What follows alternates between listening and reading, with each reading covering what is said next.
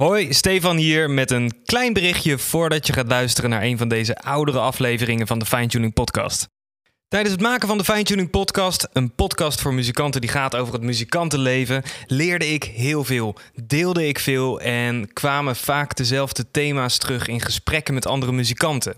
Mentale en fysieke gezondheid was een belangrijk thema in eigenlijk ieder gesprek wat ik heb gevoerd.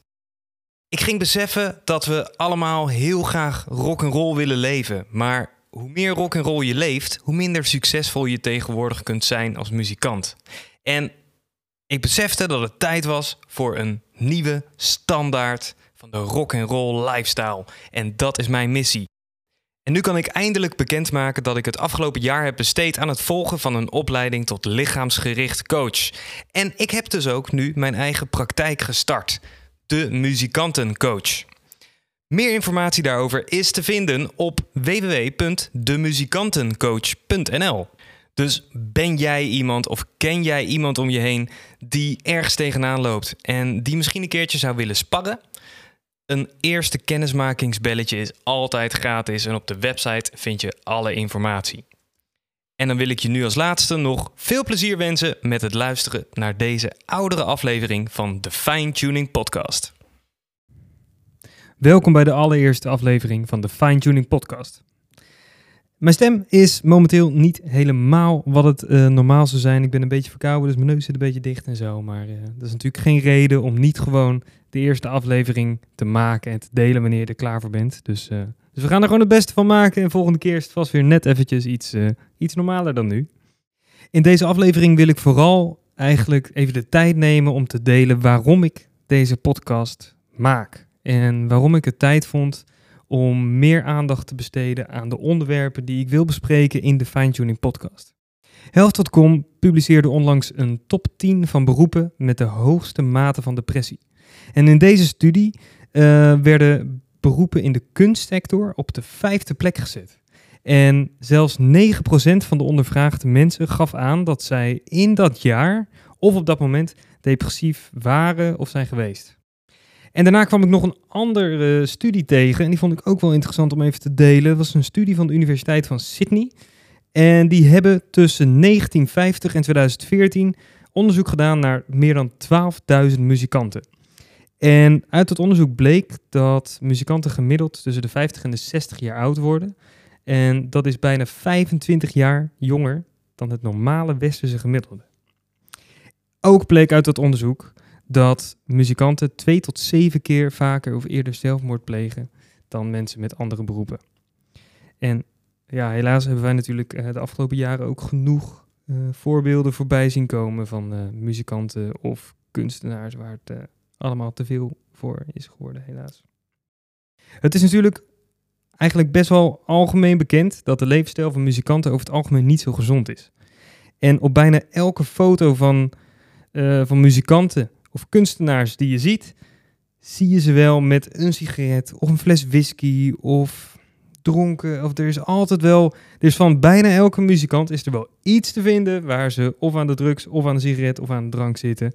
En dat lijkt eigenlijk af en toe bijna alsof uh, ja, goede muziek en drugs, rock and roll en depressie uh, een beetje uh, bij het talent horen en uh, daar nou eenmaal bij komen. En niet om mijzelf in die fantastische categorie muzikanten te scharen, maar ehm, ik heb zelf ook altijd wel geworsteld met depressieve gedachten en periodes. En ook nu nog steeds zit ik af en toe nog wel. Eigenlijk momenteel is het vooral met uh, onzekerheden. Uh, periodes waarin ik gewoon niet zo goed in mijn vel zit. Depressieve gedachten zijn gelukkig al best wel lang geleden. En dat uh, wil ik ook heel graag zo houden. En daar doe ik ook goed mijn best voor. En ook alle andere dingen die een beetje verband houden, of niet alle dingen, die verband houden met de rock and roll leefstijl, zijn die periodes wel een soort van probleempje voor mij geweest. Um, drugs gelukkig niet. Daar ben ik altijd vanaf gebleven, nooit aan begonnen. Uh, ik heb best wel behoorlijk ADD. En ik was eigenlijk altijd heel erg bang dat als ik eenmaal iets van drugs zou proberen... en zou merken dat ik daardoor rustig zou worden in mijn hoofd... dat, uh, dat het niet goed zou gaan. Dat, dat ik hetzelfde pad op zou gaan als, als anderen. Maar ehm, ik rookte wel heel veel. Ik rookte een pakje sigaretten per dag, zeker. Met optredens waren het er af en toe wat uh, anderhalf. Zelfs ging het richting de twee af en toe wel. Dus uh, dat was wel heel heftig. En ik heb wel periodes waar ik um, heel bewust ben over mijn alcoholgebruik. Ik drink niet overdag in principe, tenzij het in het weekend op het terrasje is. Uh, maar ik heb wat dat betreft dus geen probleem met alcohol. Ik drink geen sterke drank over het algemeen. Maar ik werk in een popcentrum. Daar heb ik mijn drumschool. En er zit hier een bar in het gebouw. En er is wel elke avond is er wel een wijntje. Of tenminste, die periodes zijn er geweest waar het elke avond altijd wel na de lessen nog even een wijntje was. Omdat je dan de barman kent. En is het gezellig. En, uh... en er zijn dus wel echt periodes geweest waar ik wel echt bijna, of zo goed als dagelijks wel, in ieder geval iets dronk. En uh, daar probeer ik wel heel erg op te letten. Maar nog steeds loopt het af en toe zo dat je gewoon een hoop gezelligheid uh, in de week hebt. En dan is dat nog wel iets waar ik nog steeds mee bezig ben en behoedzaam voor ben. Uh, daarnaast heb ik ook best wel veel lichamelijke problemen gehad. Ik sliep heel slecht vanwege vooral pijn in mijn, arm, in mijn handen en in mijn armen. Mijn conditie was ook niet zo best. En er is zelfs een korte periode geweest waarin ik moeite had om mijn stokken vast te houden. Omdat mijn, mijn armen zo en vooral mijn spieren in mijn, in mijn onderarmen zo samentrokken constant. En mijn doorbloeding in mijn handen zo slecht was. Dat, uh, dat ik gewoon heel veel zenuwpijn had. En trekjes in mijn handen en zo. En uh, dat was gelukkig maar heel kort. Maar dat was dus ook gedeeltelijk door het roken. Maar nu al 2,5 jaar geleden ben ik uh, gestopt met roken. En dat was de week voordat ik naar Ierland ging. Om daar een week drums te studeren met de gekke drummers, waarover ik vast later nog wel een keertje meer ga vertellen. Maar ik stopte in ieder geval omdat ik niet de hele tijd, de hele week me rusteloos wou voelen. Terwijl ik daar die lange lesdagen had met die, die grote helden. En ik besloot dus gewoon van het ene moment, van de een op de andere dag, te stoppen met roken. En sindsdien heb ik dat ook nooit meer gedaan. En om diezelfde tijd begon ik met hardlopen. Paar maanden later rende ik mijn eerste CPC. Ja, dat was toen maar 10 kilometer. Maar klinkt voor sommige mensen niet zoveel, maar voor mij was dat echt wel een grote, grote stap om, uh, om die 10 kilometer uh, te kunnen rennen. En echt wel een prestatie. Tegelijkertijd begon ik ook uh, naar de sportschool te gaan. En dat doe ik nu nog steeds drie, vier keer in de week probeer ik het te doen. Af en toe is het iets minder, af en toe iets meer. Hardlopen probeer ik ook af en toe nog te doen. Maar dat is wel een, de afgelopen periode even iets, iets gezakt. Ik ben me wel aan het verdiepen in meditatie en boeddhisme. En uh, dat is ook iets waar ik uh, heel geïnteresseerd in ben en veel over lees en veel mee bezig ben momenteel. Maar goed, nu ben ik dus 28 jaar. Volgende maand word ik 29. En ik begon 20 jaar geleden met drummen. Toen ik 15 was, begon ik al met lesgeven, omdat ik gewoon geen zin had om bij de Albert Heijn te werken, eerlijk gezegd. En mijn eigen drumschool begon ik toen ik 20 was. Nu is mijn drumschool een van de ja, drukste eigenlijk van, van de regio. En geven we zes dagen per week fulltime gewoon les met nog twee andere docenten die, uh, die hier ook les geven. En afgelopen jaar heb ik een eigen uh, drummethode gemaakt met kaartjes. En dat is super super creatief. Dat heet Tiny Rhythm Box. Meer informatie is te vinden op tinyrhythmbox.com. En ik heb uh, samen met een collega heb ik Music Dot gelanceerd, musicdot.com. En dat is een online platform voor muziekscholen en leraren. En uh, dat is ook onwijs leuk om hard uh, aan te werken en om ja, eigenlijk de drumschool en muziekles weer interactief te maken op een uh, digitaal platform. Superleuk. En um, daarnaast heb ik natuurlijk altijd gewoon heel veel les gehad. Veel, les gevolgd. Uh, met bandjes gespeeld, grote podia gestaan. En altijd leuke dingen gedaan eigenlijk. Ik ben eigenlijk vooral altijd heel erg veel bezig met het bedenken en ontwikkelen van nieuwe dingen. En uh, manieren om mijzelf en de mensen om me heen te motiveren waar het mogelijk is. En, uh, en ik werk heel hard om dat te blijven doen. En ook het werk te blijven doen waar ik heel veel van hou. Dat is eigenlijk wat een beetje het doel is momenteel. En ik ben natuurlijk nog lang niet zo gezond als ik wil zijn, zowel mentaal als fysiek. Uh, nog lang niet zo succesvol in de zaken als ik dat zou willen. En ik kan ook nog heel veel leren over lesgeven en vooral nog heel veel over drummen. Maar ik denk wel dat ik momenteel op een punt ben waar ik me comfortabel genoeg uh, voel in mijn reis, als je het zo zou willen noemen. En genoeg al heb uh, geleerd en ontdekt fout gedaan eigenlijk. Om, um, om hopelijk een beetje mijn lessen en mijn fouten en dingen waar ik mee bezig ben momenteel met jullie te delen. Gewoon in de hoop uh, dat we samen de rock'n'roll levensstijl een beetje kunnen transformeren naar een gezondere levensstijl. Dat, uh, dat is eigenlijk een beetje mijn doel met deze podcast. Kijken hoe we elkaar kunnen inspireren om gezonder en succesvoller door het leven te gaan als muzikanten of creatievelingen. Later in deze serie wil ik natuurlijk ook af en toe gewoon met andere muzikanten en creatievelingen gaan zitten en gewoon gaan praten. En dan ben ik gewoon heel benieuwd hoe zij ook dingen doen, hoe zij dingen ervaren en hoe zij zichzelf eigenlijk creatief op de been houden, zakelijk en, uh, en qua gezondheid natuurlijk. Voeding, het zijn allemaal hele leuke dingen en uh, voor muzikanten vaak ook best wel punten waar het heel snel fout kan gaan, omdat we nou eenmaal een best wel raar ritme en uh, rare levensstijltjes hebben. Dus dit is eigenlijk wat ik wil gaan doen met de Fine Tuning podcast. En de Fine Tuning podcast wordt ook alleen maar makkelijker natuurlijk als jij je er ook een beetje mee zou willen bemoeien.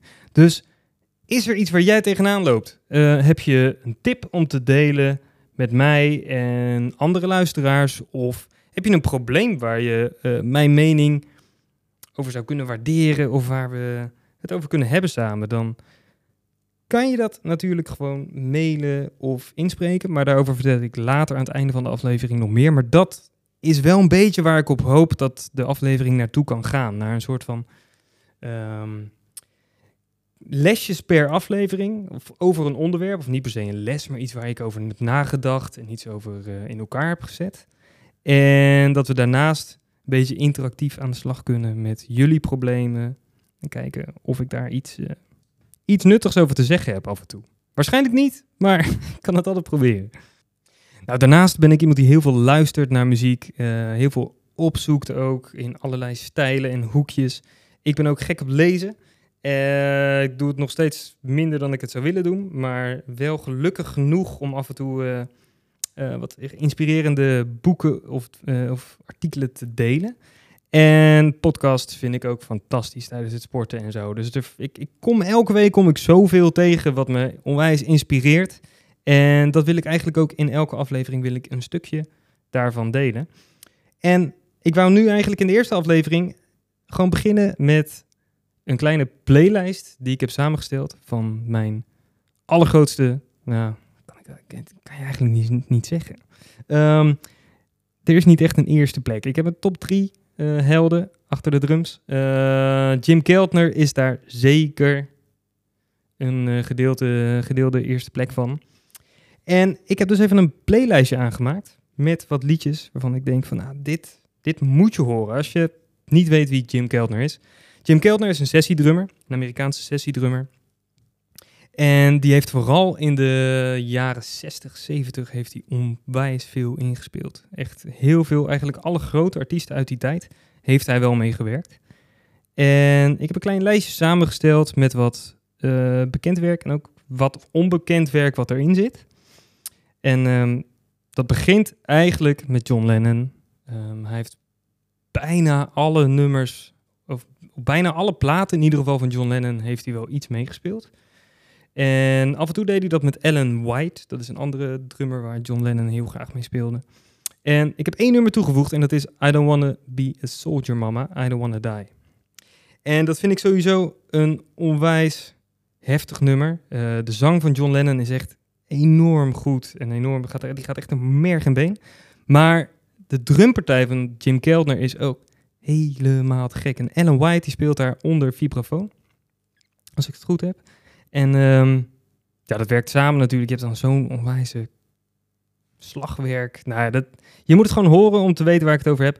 Ga dat vooral ook even checken. Um, daarnaast heeft Jim Keltner, die heeft dus ook eigenlijk alles uh, van George Harrison heel veel ingespeeld. Uh, de concert van Bangladesh, daar speelt hij ook mee, samen met Ringo Starr. En ook Ringo Starr heeft dus altijd gebruik gemaakt van Jim Keltner op de drums. Dus bijvoorbeeld het liedje Photograph van uh, Ringo Starr van zijn eerste plaat. Daar speelt Jim Keltner ook op mee. Dus eigenlijk, ja, drie van de, van de, van de Beatles die uh, waren fan van Jim Keltner.